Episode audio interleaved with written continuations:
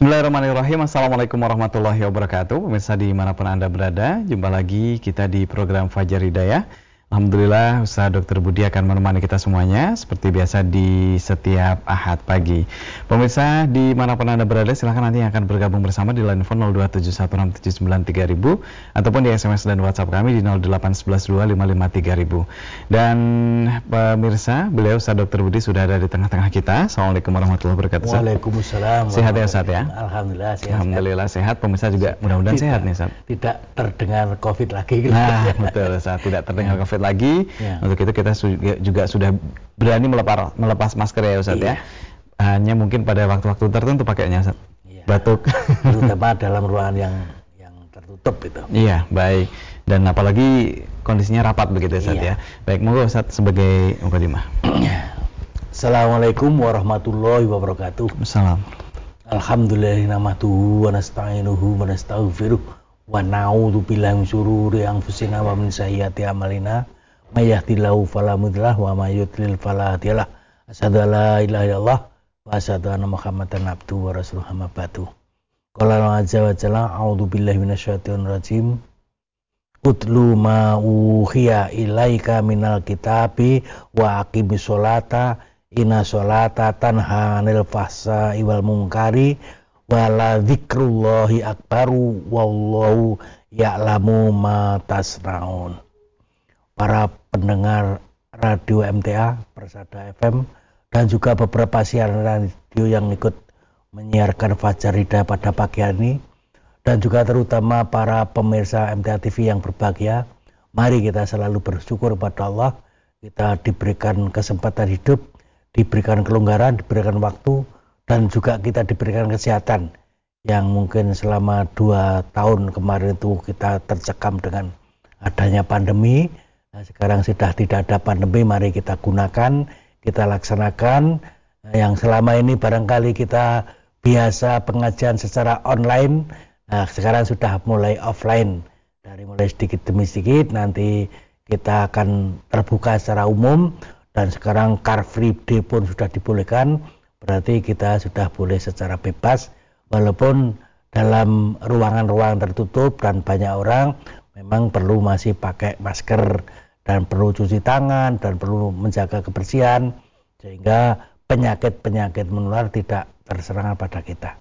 Pada pagi hari ini akan saya teruskan tentang sholat dilihat dari kesehatan sosial. Sudah saya terangkan tentang sholat dilihat dari kesehatan fisik, Kemarin juga saya terangkan sholat dilihat dari kesehatan mental atau jiwa. Pada pagi ini akan saya terangkan tentang sholat pada eh, dampaknya pada kesehatan sosial. Yang namanya sholat itu harus berdampak pada kehidupan sehari-hari. Terutama dari perilaku, terutama dari, ya kalau kemarin dari kejiwaan atau mental, nah perilaku pun di dalam surat eh, Al-Ankabut ya, saya bacakan tadi ayat 45 yang artinya bacalah apa yang telah diwahyukan kepadamu. Jadi perintahnya Allah yang pertama supaya kita membaca Al-Quran, supaya kita mengerti Al-Quran, kita memahami Al-Quran, sehingga kita jadikan petunjuk jalan kita. Jadi diperintahkan untuk membaca yang diwahyukan kepadamu yaitu Alkitab atau Al-Quran. Setelah itu dirikanlah sholat. Wakim sholat. Dirikanlah sholat. Sesungguhnya sholat itu mencegah dari perbuatan keji dan perbuatan mungkar. Jadi antara lain orang sholat itu berdampak pada kehidupan sehari-hari. Jangan sampai orang sholat tapi juga perilakunya maksiat ya. Orang sholat mungkin masih mabuk-mabukan. Orang sholat misalnya masih berzina orang sholat masih berjudi, orang sholat masih melaksanakan kemaksiatan-kemaksiatan, itu artinya dia tidak berdampak pada kehidupan sehari-hari. Jadi orang yang sholat itu tercegah dari perbuatan keji, ya, perbuatan keji dan perbuatan mungkar. Berarti dia tidak melaksanakan penyakit-penyakit masyarakat. Penyakit masyarakat namanya penyakit sosial sehingga dia tidak ya mencuri atau dia tidak menipu atau dia tidak berzina, dia tidak uh, mabuk-mabukan, berjudi dan sebagainya. Dalam kepolisian penyakit-penyakit itu namanya pekat, penyakit masyarakat. Nah, penyakit masyarakat adalah penyakit sosial. Nah, memang penanganannya tidak hanya oleh polisi saja, masyarakat pun perlu membantu dan keluarga juga perlu membantu. Ya, jadi bahkan mungkin ahli kriminal juga perlu membantu ya. Ada dokter-dokter forensik juga membantu. Ada dokter-dokter ada dokter gigi ahli ahli kriminal juga ya itu termasuk pengadilan, termasuk kejaksaan itu membantu untuk menanggulangi penyakit masyarakat. Jadi secara kebersamaan, tidak bisa secara individu. Jadi kalau kita sudah ada penyakit masyarakat, kita, kita laksanakan diberantas secara bersama-sama. Termasuk sekarang merebak LGBT, termasuk itu itu juga penyakit masyarakat itu. Jadi itu akan menular ke mana-mana, maka harus dicegah secara orang yang melaksanakan sholat itu meninggalkan perbuatan keji dan mungkar. Kemudian diteruskan uh, wala akbar. Jadi sholat itu adalah mengingat Allah yang paling besar. Jadi kalau saya bagi antara habluminallah dan habluminalas, sholat itu adalah habluminallah, hubungan manusia kepada Allah. Jadi cara-cara kita untuk ya istilahnya beribadah, cara kita untuk mengagungkan Allah dan juga banyak-banyak doa itu dilaksanakan dengan sholat. Cara-cara untuk mengingat Allah yang paling besar adalah sholat. Itu lebih besar daripada ibadah-ibadah yang lain. Yang perlu saya ingatkan, ibadah kepada Allah, hablumin Allah, hanya yang diperintahkan dan dicontohkan. Tidak boleh kreatif. Ya. Orang kreatif dalam ibadah namanya bid'ah. Bid'ah itu tersesat. Nah, makanya jangan sampai tersesat, maka kalau sholat harus mempelajari sholat secara betul ya. ya angkat tangannya seberapa, kemudian eh, sedakapnya, duduknya bagaimana istirahat apa tawaruk, kemudian kapan angkat tangan, bacaannya apa. Itu mencontoh meniru, tidak boleh kreatif ya. Kreatif wah sholat itu orang kudu bahasa Arab ya. Orang Indonesia boleh bahasa Indonesia, orang Jawa boleh bahasa itu kreatif kebablasan. Jadi kalau kreatif kebablasan dalam hal ibadah tidak boleh kreatif. Hanya mencontoh dan meniru. Apa yang diperintahkan Allah kita laksanakan. Apa yang dicontohkan Rasulullah dilaksanakan. Solu kama itu muni usli. Sholatlah sebagaimana kamu lihat aku sholat. Rasulullah sholat. Tadi kita mencontoh bagaimana Rasulullah sholat itu kita contoh semaksimalnya. Apa yang ada dalilnya, apa yang ada contohnya, kita laksanakan. Maka Sholat itu pada berdampak pada kehidupan sehari-hari, bahkan di ayat yang lain ya, uh, misalnya di surat Ma'arij ya, surat Ma'arij itu kebanyakan umumnya manusia itu ada dua sifat ya, innal insana khuliqa halua. Sesungguhnya manusia itu punya sifat dua, yaitu kikir dan keluh kesah. Jadi sukanya kegir, sukanya keluh kesah. Ya. Idza masahu syarru jazua.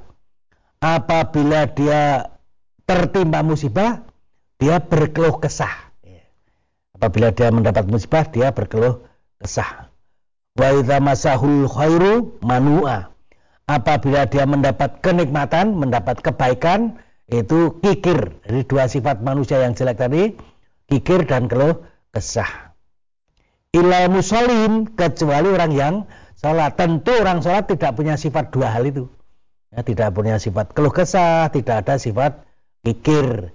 Kalau dia mendapatkan bencana, mendapat musibah, dia bersabar, menerima apa yang diputuskan Allah tadi.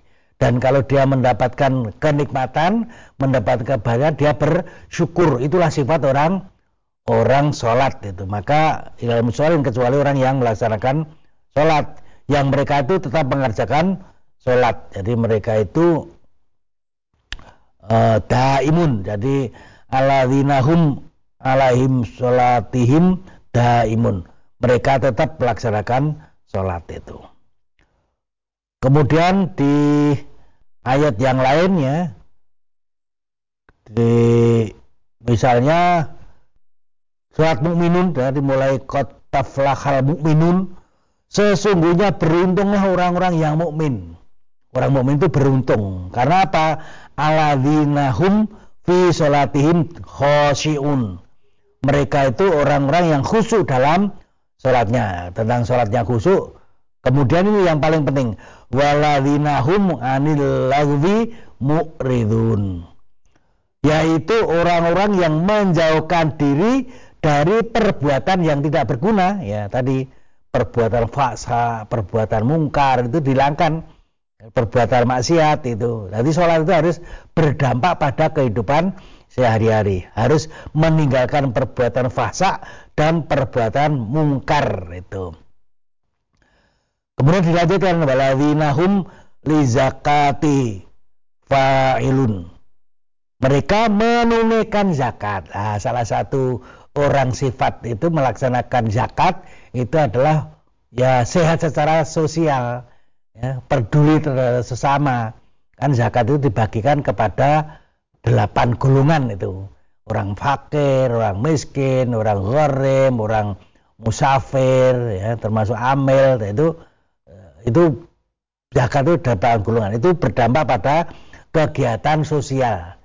Jadi itu adalah penyakit sosial kalau tidak mau zakat. Tapi kalau berzakat berarti sehat secara sosial. Diteruskan uh, dan orang-orang yang menjaga kemaluan. Nah, ini menjaga kemaluan itu tidak boleh zina, ya, tidak boleh kumpul kebo, tidak boleh LGBT itu. Jadi LGBT itu juga penyakit sosial itu karena bisa apa ya menular itu dan ya, menular itu dan merusak merusak rumah tangga, merusak kehidupan sosial itu. Jadi selain zakat dia apa ya? Dia uh, menjaga kemaluannya, jadi menjaga kemaluannya kecuali kepada istri-istri mereka atau budak mereka yang mereka miliki maka sehingga mereka itu tiada tercela. Jadi kalau kita menyalurkan syahwat itu kepada istri itu wajar normal dan bahkan dapat pahala gitu. Atau kalau ada dulu kalau perang itu kemudian dapat rampasan perang, dapat budak kemudian di, di dinikahi itu berarti juga budak yang mereka miliki. Barang siapa yang mencari di balik itu, mereka itulah orang-orang yang melampaui batas. Jadi kalau e, melebihi dari itu ya sudah kita melampaui batas. Jadi itulah dampak dari sholat itu maka dia berdampak pada kehidupan sehari-hari. Bahkan di dalam hadis pada hari kiamat yang pertama-tama disebut adalah sholat kalau sholatnya baik, maka baik pula lah amal-amalnya. Harusnya orang yang sholat itu amalnya baik, bukan amal maksiat, bukan amal yang jelek. Dia bila sholatnya rusak, maka rusak pula lah seluruh amalnya. Jadi kalau orang eh, apa ya, sholatnya itu jelek, walaupun sholat tapi jelek, itu tidak berdampak pada kehidupan sehari-hari. Dia perilakunya jelek itu. Maka diingatkan bahwa Mestinya harusnya orang yang sholat itu berdampak pada kehidupan sehari-hari. Di dalam Al-Quran banyak sekali rangkaian antara akimi sholah wa zakah.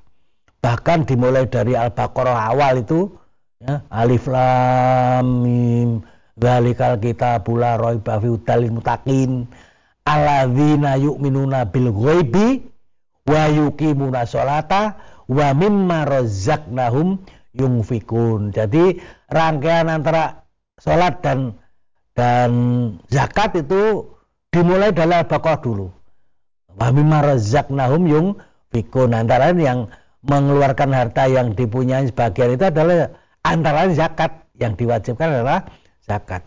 Dan surat-surat di dalam Al-Quran banyak sekali ya. Misalkan di surat Al-Baqarah misalnya 43, 83, 110, 277 itu di Al-Baqarah Hakim sholah waktu zakah itu rangkaian sama dengan mungkin uh, amanu wa amilu sholihat. Orang yang beriman harus beramal soleh. Orang yang sholat harus mengeluarkan zakat.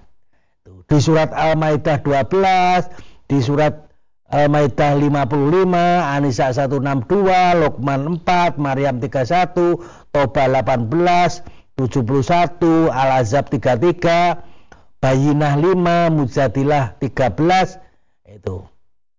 Semuanya ya tadi akimis sholah wa atu zakah. Rangkaiannya begitu di dalam Al-Quran. Kalau diperintahkan sholat terus dilaksanakan zakat. Nah orang zakat itu mengeluarkan harta di jalan Allah.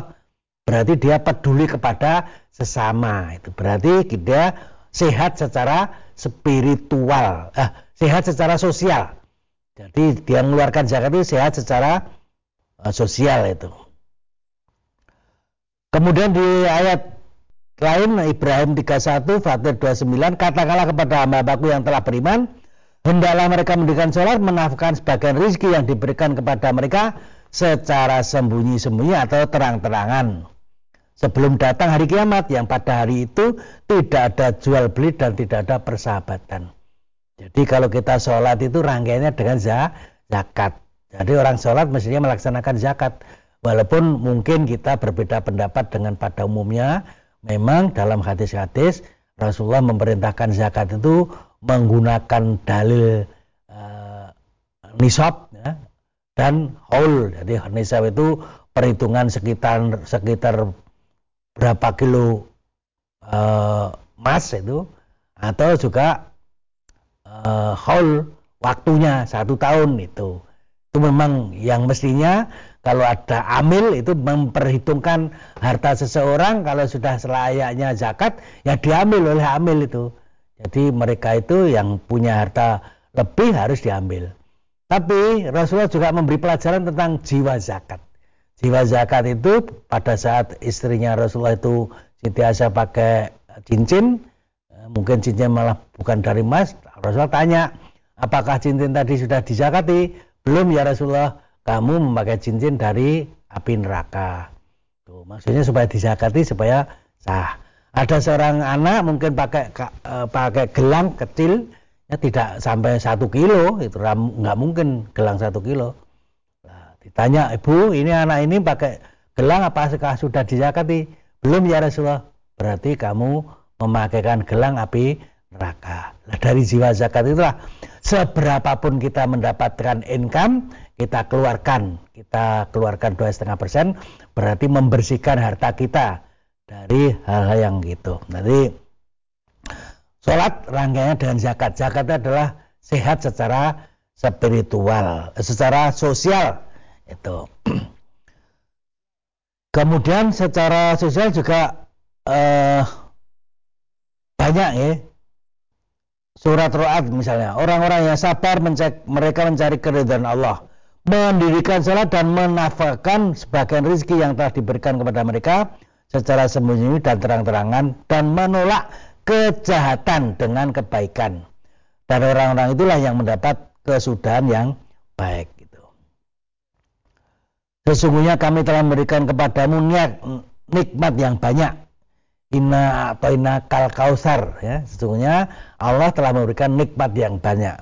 Fasolli li rabbika wanhar sholatlah dan berkorbanlah. Nah, kita sebentar lagi, mungkin satu bulan lagi, kita berkorban.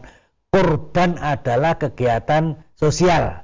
Ya, kita bagi-bagi daging yang barangkali di antara kita ada yang satu tahun tidak makan daging, ada mungkin yang sudah lama tidak makan daging, maka dibagi-bagikan daging, daging korban itu. Di ayat yang lain Hai anakku, dirikanlah sholat dan suruhlah mereka mengerjakan yang baik dan mencegah pada perbuatan yang mukar. Bersabarlah terhadap apa yang menimpa kamu. Sesungguhnya yang demikian itu adalah yang diwajibkan oleh Allah. Jadi rangkaiannya orang sholat itu mengerjakan yang baik dan mencegah perbuatan mungkar. Berarti hidupnya secara sosial sehat. Sebaliknya kalau orang sholat tapi perbuatannya jelek ya, ya mungkin tadi menipu, mungkin tadi ya istilahnya mencuri atau mungkin berjudi atau berzina mabu-mabuan itu berarti sholatnya belum berdampak, belum akimi sholat, belum mendirikan sholat, baru mengerjakan sholat tapi kemudian tidak punya keyakinan. Maka kalau sholat mestinya mengerjakan perbuatan yang baik dan mencegah dari perbuatan yang mungkar, perbuatan yang jelek, perbuatan yang dilarang oleh Allah ditinggalkan. Dan bersabarlah kepada apa yang menimpa kamu. Jadi kalau kita mendapat musibah, kita bersabar, kita akan mendapatkan pahala dari apa yang kita kerjakan. Ya, saya kira itu saja yang saya sampaikan pada pagi hari ini. Sehat secara sosial, sehingga dampaknya bagi orang yang sholat itu juga sehat secara sosial. Menghilangkan perbuatan fasa dan perbuatan mungkar. Perbuatan fasa dan mungkar adalah penyakit sosial. Ya, dalam kepolisian namanya pekat. Jadi kalau kita kita meninggalkan itu berarti kita sehat secara sosial. Ya itu aja. Dan pemirsa silahkan yang akan bergabung bersama di line phone, SMS maupun WhatsApp. Kita tidak jeda, langsung untuk pertanyaan ini ya iya, Ustaz ya. Silahkan ya silahkan uh, pemirsa uh, sekali lagi bisa bergabung untuk uh, menanyakan uh, pertanyaan uh, ber, uh, berkaitan dengan kesehatan, terkhusus lagi dengan kesehatan sosial ya Ustaz ya, ya yang ya. pagi hari ini sedang kita laku uh, kita bahas begitu. Kita menuju ke pertanyaan dulu Ustaz dari uh, saudara kita. Uh, Ustadz mohon ada ayat atau tidak berkaitan dengan uh, penyalahgunaan saat ini seperti bahaya narkoba, narkotika. Uh, apakah dulu juga ada orang-orang yang uh, menyalahgunakan uh, seharusnya menjadi obat tetapi malah digunakan untuk mabuk? Terima kasih. Dari Pontianak, dari saudara kita di mana ini? PNT hmm, Pontianak mungkin ya. Mau silahkan Ustaz. Iya. Jadi panjang lebar tadi saya sampaikan mestinya sholat itu para berdampak pada kehidupan sehari-hari. Jadi kalau kita sholat mestinya ya tidak ada mabuk-mabukan itu. Itu kalau dulu dulu orang mabuk-mabukan itu membuat barang mabuk itu dari ya ada yang dari kurma, hmm. ada yang hmm. dari dari apa uh, gandum atau kalau di di mana di Mekunang itu mungkin dari apa ya dari dari dari bahan makanan dari ah, bahan makanan iya, iya. Gitu.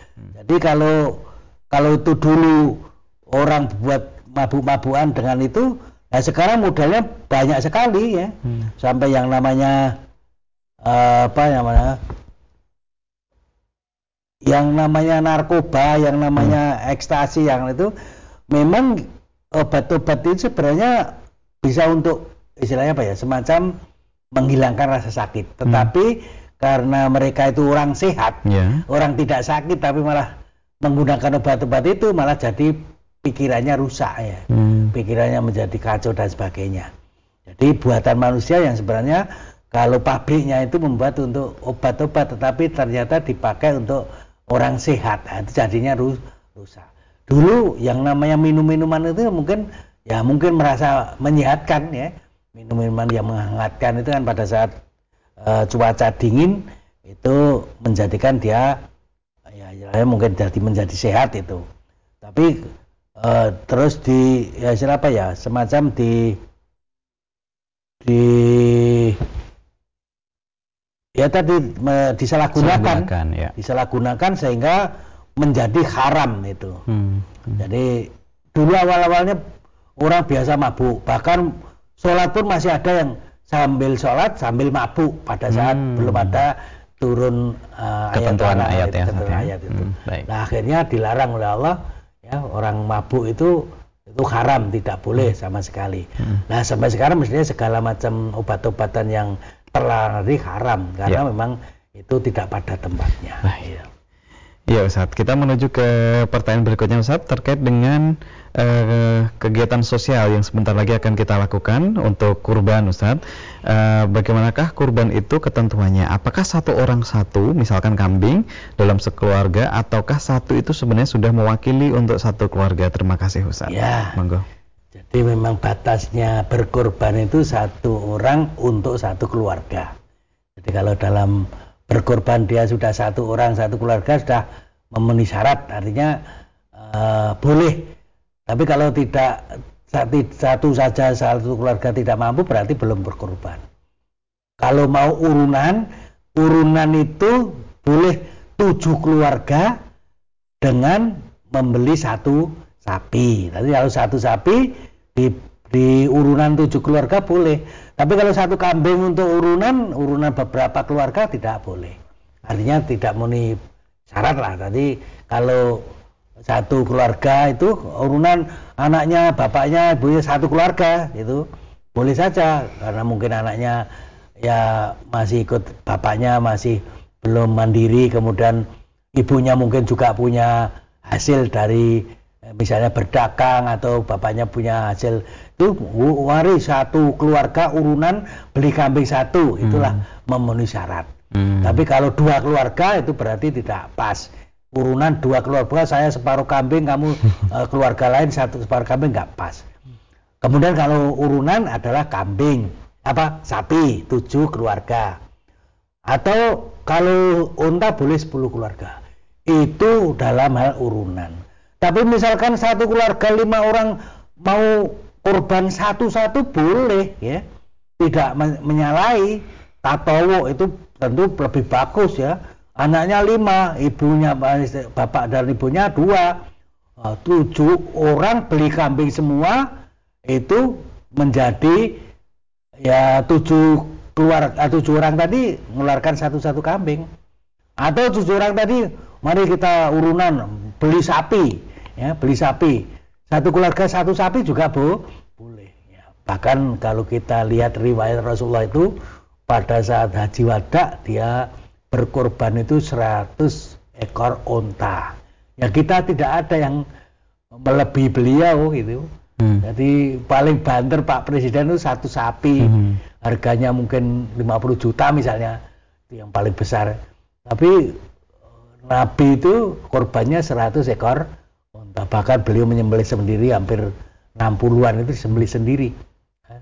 Mungkin uh, onta pakai di atas itu Pak ya. Jadi korbannya Rasul amat sangat banyak itu. Hmm. Nah, kalau kita meniru Rasul ya kita berkorban semampu kita. Kalau kita kaya tentu ya misalkan satu sapi hebat itu. Kalau kita miskin ya mak apa ya kita satu kambing satu keluarga sudah cukup. Bahkan Rasulullah itu menyembelih untuk Rasulullah untuk keluarganya dan untuk umatnya. Maksudnya umat-umat yang nggak nggak mampu berkorban sudah di dikorbankan oleh Rasulullah ya, itu. Jadi baik. karena tidak mampu. Tapi kalau mampu hebat itu beli unta. Tapi kalau beli unta di Indonesia nggak ada. nah, ya. ya baik karena tidak tidak tidak biasa juga ya Ustaz ya, ya kalau di Indonesia. Kalau pas ya. kebetulan haji boleh saja nah, unta di ya. tanah suci. Baik. Baik Ustaz kita menuju ke pertanyaan berikutnya. Uh, sebentar saat ini cukup teknis sebenarnya uh, Ustadz untuk satu orang itu sekarang berapa ya Ustadz untuk sapi karena untuk tujuh orang jadi satu orangnya berapa kira-kira kemudian yang kedua apakah boleh kita menunjuk ini yang saya minta begitu misalkan bagian kaki dan ya. seterusnya dan untuk uh, lainnya sudah diserahkan kepada uh, panitia untuk ya. dibagikan kepada masyarakat terima ya. kasih Ustadz yang pertama tentang urunan itu hmm. tidak ada ketentuan banyaknya. Hmm. Jadi masing-masing yang urunan tadi misalkan tujuh orang tidak ada ketentuan harus sama. Sama juga boleh, tidak sama juga hmm. boleh. Jadi hmm. tidak harus sama. Kemudian berapa uh, ketentuannya beli sapinya? Ya tergantung sapi yang dibeli. Ya. Hmm. Kalau sapinya besar gemuk atau mungkin yang harganya 30 juta boleh juga ya, harganya 50 juta boleh juga e, karena 50 juta dibagi 7 keluarga hmm. misalkan 7 7 juta boleh wah saya tidak punya 7 juta saya punya cuma 5 juta nah, yang lain wah saya 15 juta boleh jadi 7 orang itu yang penting di dimusyawarahkan bersama uh, harga sapinya harganya berapa yang satunya berapa satunya berapa sama boleh, tidak sama juga hmm. boleh. Jadi tidak ada ketentuan. Ya. Nah kalau kemarin mungkin yang paling mungkin sapi yang paling kecil ya sekitar 17 Sekian, 15 ya, ya segitu. Hmm. 14 nah, misalkan yang di desa-desa itu mungkin harga 14 sudah Dapat sudah memenuhi syarat artinya hmm. sapinya sudah layak untuk disembelih Hmm. gitu. Jadi kalau hanya 14 ya 2 juta 2 juta cukup ya. Hmm. selama 7 hari sama misalnya. Atau ya saya mau korban sapi tapi cuman uangnya saya sa- cuman 1 juta. Wah, saya punya 5 juta. 1 juta sama 5 juta 6 juta. Yang lain berapa juta berapa juta? Yang penting seharga 14 juta itu terbayar sebanyak 7 keluarga itu. Jadi tidak ada ketentuan berapa urunannya ya. Ya, Sama boleh, tidak sama juga bu, boleh. Yang penting 7 keluarga gitu. Ya, Kemudian yang kedua tadi apa? Eh, yang pertama Sebentar, uang. Bolehkah kedua- memilih apa yang saya boleh? Baik. maksimal sepertiga maksimal Eh, saya minta hati boleh saya minta eh, suku apa kaki boleh Eh, saya minta apa ya eh, sebuntut minta buntutnya boleh. Itu. Yang penting tidak boleh melebihi sepertiga. Jadi bagiannya maksimal sepertiga. Habis nah. kalau tadi yang tujuh tujuh runan tadi ya sepertiga dari dari sapinya tadi dibagi tujuh itu. Sepertiga dari sapi dibagi tu, tujuh. Itu maksimal. Tidak boleh melebihi itu. Tapi kalau lebih kecil dari itu boleh-boleh saja. Saya cuman cuman minta torpedo saja kan hanya kecil itu boleh saja wah saya senang torpedo diberi torpedo saya mau misalnya saya diberi hati bah, mau boleh minta boleh yang penting ada apa tidak, kemudian tidak boleh lebih dari sepertiga. Sepertiga. Iya. Ya, baik Ustaz. Ya, tidak terasa kita sudah di ujung waktu Ustaz untuk pagi hari ini. Eh, insya Allah dilanjut kesempatan yang lain. Iya. Ustaz. Habis ini langsung lanjut ke Langsung pagi. ke Nah, gedung pusat ya Ustaz ya. Baik, selamat melanjutkan kegiatannya Ustaz. Assalamualaikum warahmatullahi wabarakatuh. Waalaikumsalam warahmatullahi wabarakatuh. Baik pemirsa, saya sudah Fajar Hidayah pagi hari ini bersama Ustaz Dr. Budi. Terima kasih perhatian Anda dan tetap jaga kesehatan ya Ustaz ya. Kita semuanya. Uh, Subhanakallahumma bihamdika, syada la ilaha illa anta, astaghfiruka wa atubu ilaik. Assalamualaikum warahmatullahi wabarakatuh.